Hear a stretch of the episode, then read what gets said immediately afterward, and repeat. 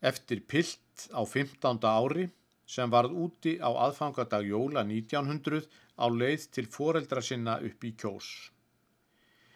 Hver þólir að hugsum að halda þar jól sem húmað á fjallvegi þínum og hlust á þær ógnir sem ofviðrið fól í íshörpustrengjunum sínum.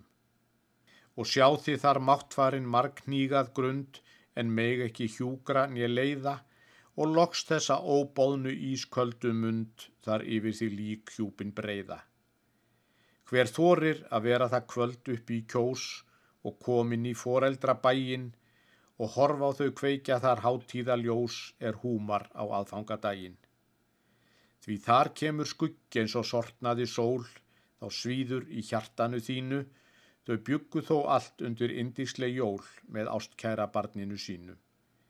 Því meir sem að veðrið og myrkrið fer að, því meir er þar talað um sónin, þau vonaðan haf ekki haldið af stað, svo hugsun er síðasta vonin.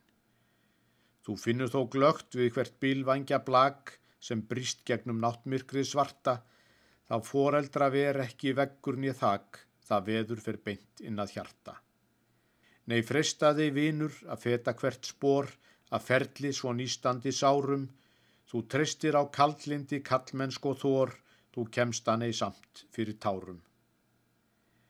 Nei, léttum heldur harma tóm, hins hljóða sorgar rans. Þau tvö þar inni eiga blóm, þau eiga slíkan fans.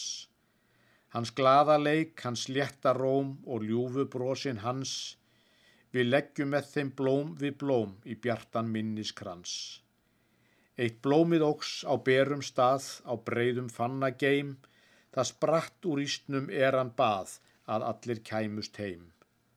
Hann bað oss hjartans heittum það að hlýfa fótum tveim, sem hríð og myrkur æðir að ef enginn fylgir þeim. Og hríðin varð sem blíður blær, um beð hans allt varð hljótt, og fadir minn og móður kær, ég misti snöggvast þrótt.